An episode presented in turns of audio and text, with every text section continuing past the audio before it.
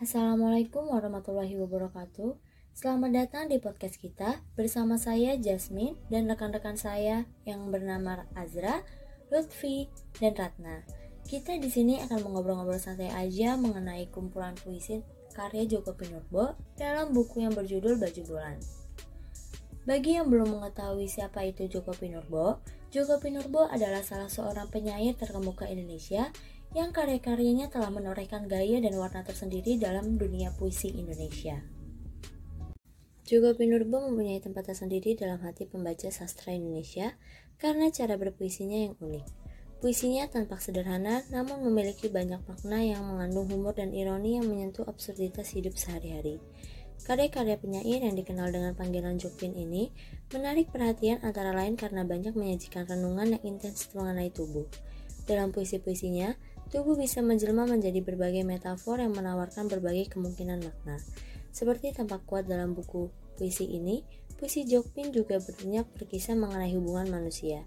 Jokpin melihat perilaku manusia melalui hubungan anak dan ibu, anak dan ayah, anak, ibu, dan ayah. Hubungan itu diangkat tidak semata-mata kon dalam konteks psikologis dan hubungan darah.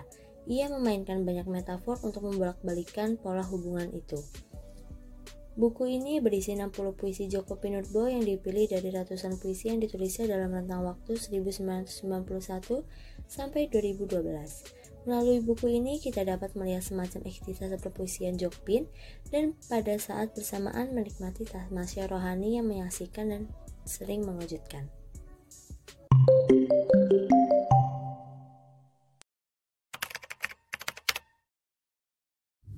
Baik, di sini saya Jismi Masari Putri dan ada beberapa teman saya yaitu ada Azra Lutfia Saleh, ada Ratna Sari dan Lutfia Putri akan membahas beberapa puisi yang ada dalam buku kumpulan puisi Baju Bulan karya Joko Pinurbo. Kita kan sudah membaca ya buku ini.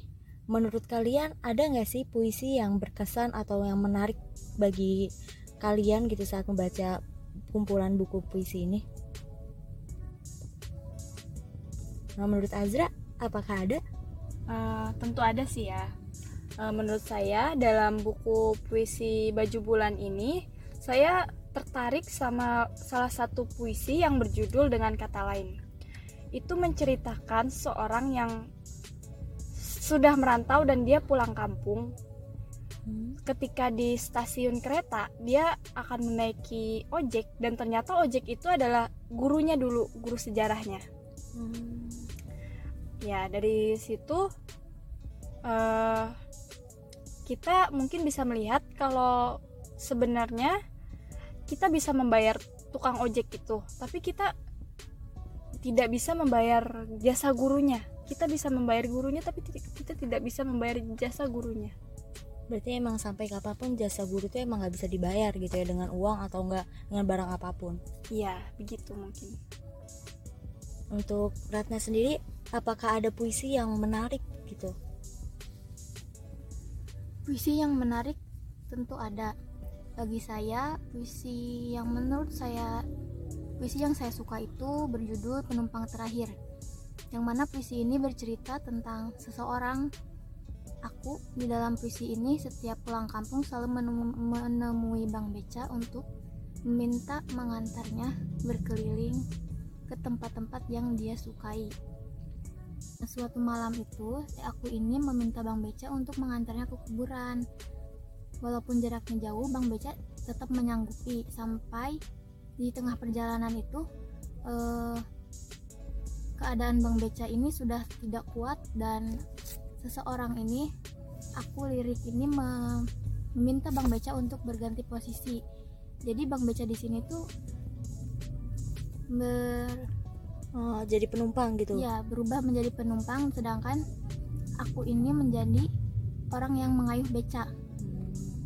saat si sampai di kuburan tersebut aku ini seseorang ini melihat bang beca tertidur pula sampai dibangunkan pun tidak. Bang beca ini tidak bangun.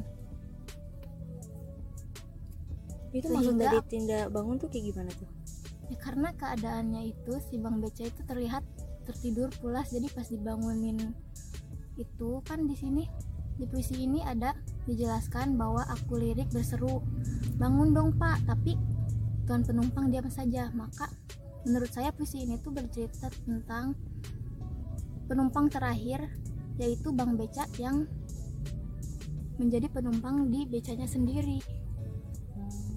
Seperti itu. Baik-baik. Kalau menurut Lutfi sendiri ada nggak sih puisi yang kamu sukai? Kalau aku sih ada ya yang uh, judulnya kurang-kurang tuh aku suka sama puisi itu. Uh, di situ tuh kayak membahas seorang anak yang ketika masih kecil gitu dia tuh suka diajak ayahnya buat naik ke gunung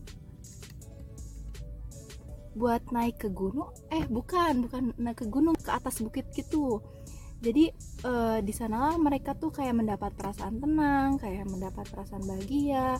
Dan ada juga kasih sayang seorang anak uh, ke ayahnya ada juga seorang ayah ke anaknya kayak gitulah. Jadi saya suka sama puisi ini. Dan saat mereka sudah de saat anak tersebut sudah dewasa itu tuh anaknya tuh pergi merantau dan anaknya tuh sudah berhasil menjadi seorang penyair. Uh, ketika itu tuh ayahnya tuh kayak sudah mulai menua gitu mulai renta. Nah pas ayahnya sudah mulai menua itu ayahnya tuh kayak menginginkan kejadian ketika anaknya masih kecil kayak pergi ke atas bukit itu kembali gitu kayak flashback gitu. Jadi tuh uh, saat itu tuh ayahnya meminta anaknya untuk pergi ke atas bukit tersebut. Nah ke, akhirnya tuh mereka tuh pergi ke atas bukit tersebut tuh berdua bersama anak dan ayahnya yang tadi ayah yang tadi tuh terus tuh uh, ketika sudah sampai setengah perjalanan ayahnya tuh kok nggak mau nggak bergerak gitu terus pas udah sampai udah sampai ke atas bukit ternyata tuh ayahnya sudah meninggal dunia nah di situ tuh menurut saya sih sedih banget sih setelah membaca puisi ini tuh Oke. Okay. Oke, okay, berarti tadi itu puisi ke apa namanya itu tadi kunang-kunang ya. Itu menceritakan tentang kasih sayang seorang ayah ya yang bisa melakukan apa pun demi anaknya iya. dan uh, flashback antara ayah dan anak di bukit iya. tadi itu ya. Iya kayak uh, lebih ke kasih sayang sih, lebih ke hmm. kasih sayang anak ke ayahnya, ayah ke anaknya gitu. Oke. Sebenarnya saya udah pernah baca sih tentang buku ini. Saya ini suka ada satu puisi yang saya suka dari buku dari kumpulan puisi ini tuh yang judulnya Perjamuan Petang. Jadi perjamuan petang itu menurut saya nih, menurut saya itu dia menceritakan tentang kedua orang tua yang melepaskan anaknya, yang membebaskan anaknya untuk belajar, untuk menuntut ilmu di luar sana dan orang tua tersebut tuh kayak yang mengantar, memberi semangat, memberi arahan kepada anaknya. Supaya anaknya dapat menuntut ilmu dan anaknya dan yang orang tua inginkan itu anaknya berhasil dan sukses. Seperti itu sih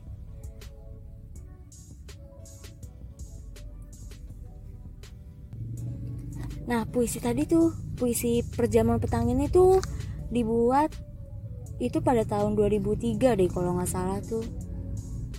Kalau puisi kalian tahu nggak? Tahun berapa sih dibuatnya? De kalau dengan kata lain tahun berapa? Oh kalau puisi dengan kata lain itu di tahun 2004 oh 2004 berarti beda satu tahun ya dengan puisi perjamuan petang. Iya beda satu tahun.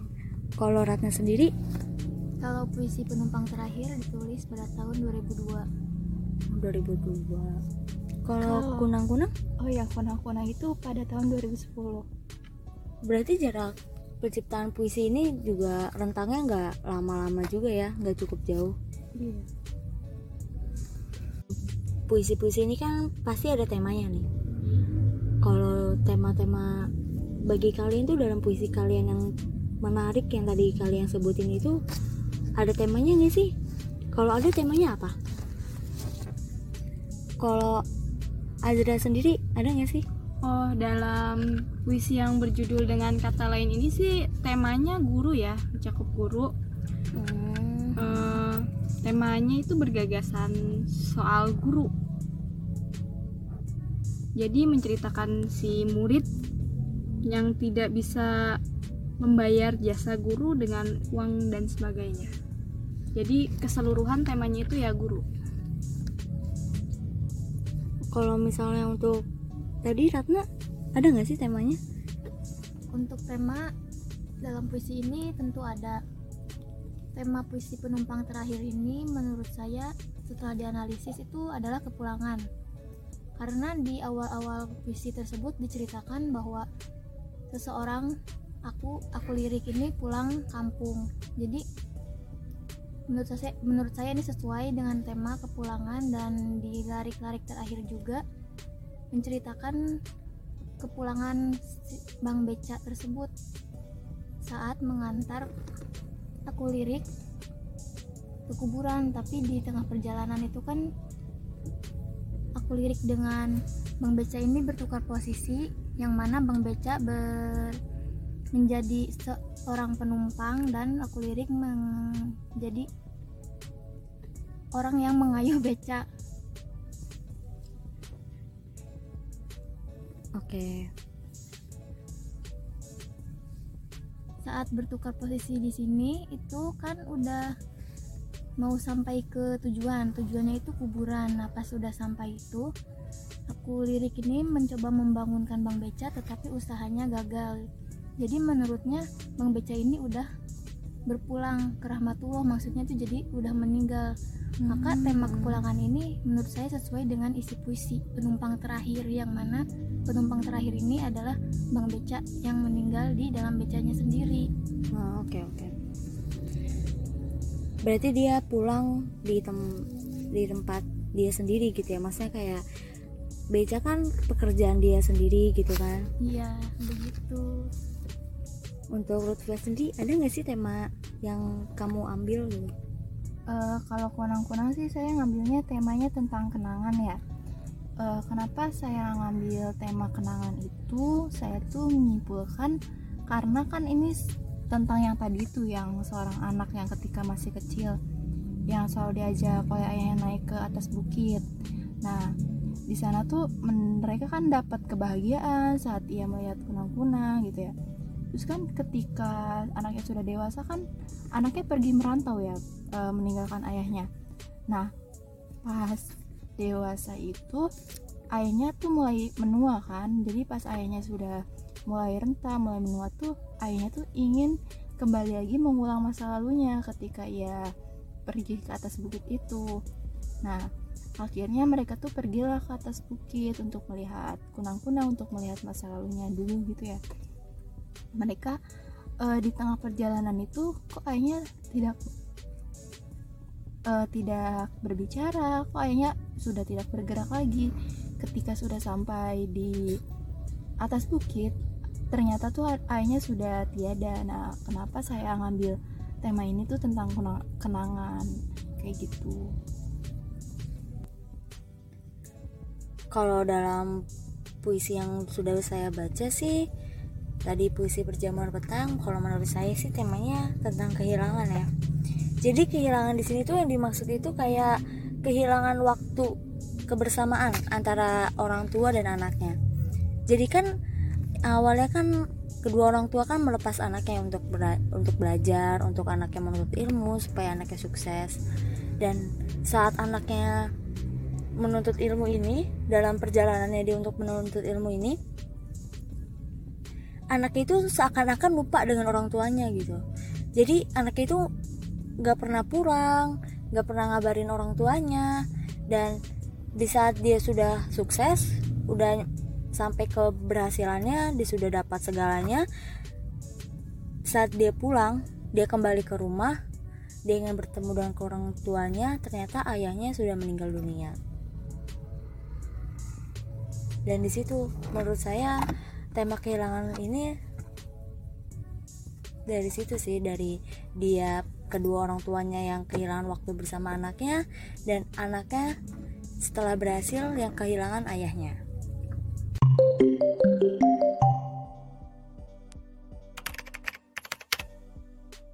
Sekarang nih uh, untuk mengakhiri lah ya tentang pembicaraan kita kali ini, saya ingin bertanya nih, uh, ada gak sih amanatnya?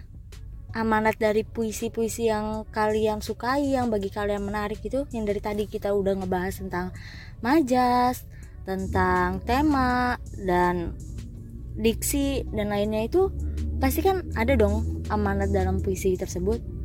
Untuk Azra sendiri apa sih amanat dalam puisi dengan kata lain? Ya sesuai dengan temanya ya kan ini uh, tadi puisi yang berjudul dengan kata lain ini uh, tentang guru ya. Iya. Jadi amanatnya pun bersangkutan. Amanat yang saya ambil dari puisi ini yaitu saat kita sukses, jangan lupakan jasa gurumu yang telah mendukung kita untuk meraih kesuksesan. Kita tidak akan bisa membayar jasanya, tetapi kita bisa berbuat baik dan mendoakan yang baik-baik untuk guru kita. Mungkin itu aja sih bagus sih. Berarti emang ya emang jasa guru tuh emang nggak bisa dibalas gitu kan sampai kapan pun dan kita hanya bisa untuk mendoakan supaya gurunya menjadi lebih baik dan berterima kasih dengan guru dengan apa yang telah diberikan kepada kita gitu ya. Iya seperti itu. Untuk Ratna sendiri nih dengan puisinya apa sih amanat yang tersampaikan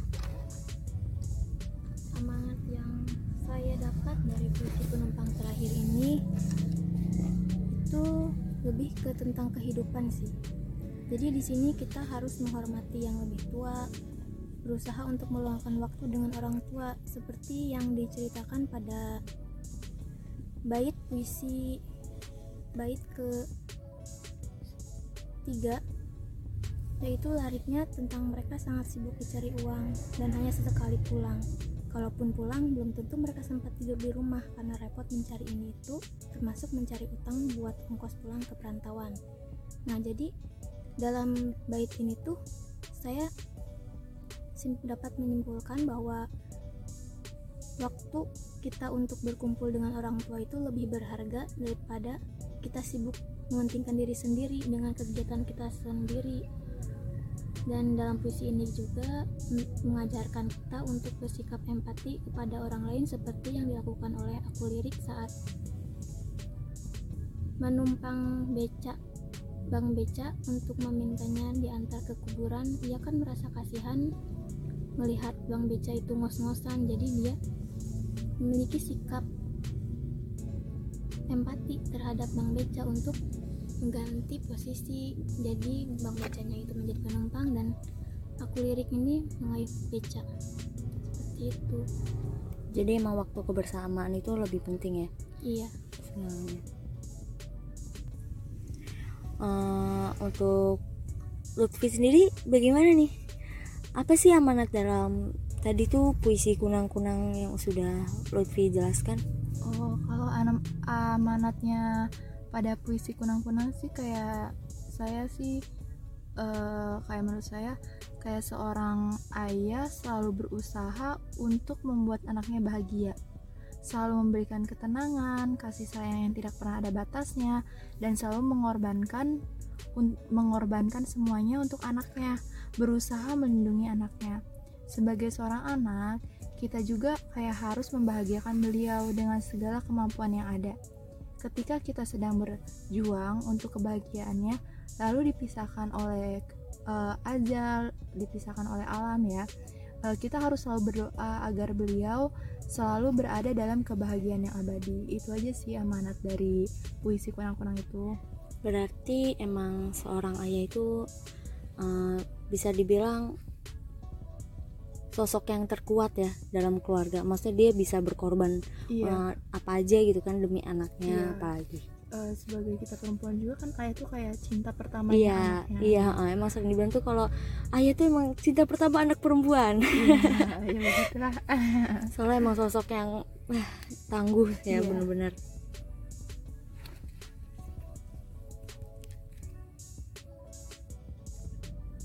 Oke, Tadi teman-teman saya sudah menyebutkan amanat-amanat dari puisi yang bagi mereka tuh menarik, yang berkesan atau yang mereka senangi lah bisa dibilang dari kumpulan puisi dalam buku puisi karya Joko Pinurbo ini.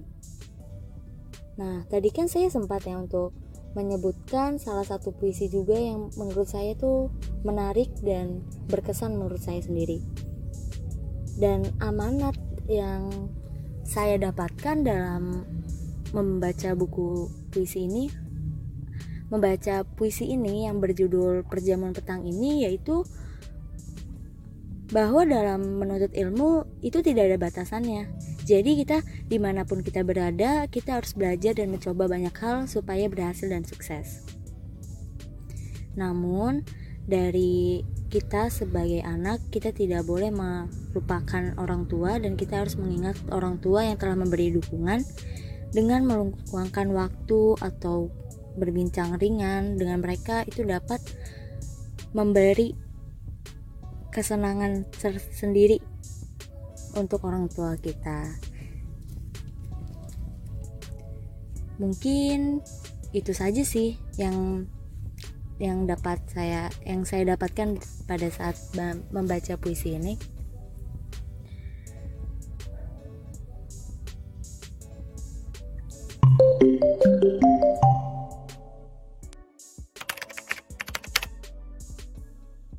Nah, sampai sini pembahasan puisi dari buku kumpulan puisi yang berjudul Baju Bulan karya Joko Pinurbo. Nah, dari tadi kan kita sudah membahas empat puisi yang mempunyai pesan-pesan yang dapat kita ambil dan kita contoh di kehidupan sehari-hari. Mulai dari puisi dengan kata lain yang bercerita tentang guru dan murid, puisi penumpang terakhir yang membahas mengenai penumpang terakhir yang menaiki becak, kemudian ada juga puisi perjamuan petang yang menceritakan tentang kedua orang tua yang kehilangan waktu bersama anaknya, dan anak yang kehilangan sosok ayahnya. Yang terakhir yaitu puisi kunang-kunang yang bercerita tentang kenangan seorang anak bersama ayahnya ketika diajak ke atas bukit. Di dalam buku puisi ini, gak cuma 4 puisi itu doang loh, masih banyak banget puisi-puisi yang menarik dan dapat dibahas di dalam buku puisi ini. Bagi kalian yang mau membaca buku puisi ini, kalian bisa membeli dan membaca buku fisiknya. Ingat, belinya yang original ya, jangan yang bacakan. Oh iya, kalian juga bisa baca buku puisi ini di handphone kalian masing-masing melalui aplikasi Ipusnas. Oke, mungkin sampai di sini aja. Mohon maaf jika ada kata-kata yang kurang berkenan dan terima kasih sudah mendengarkan podcast kami. Sampai jumpa. Wassalamualaikum warahmatullahi wabarakatuh.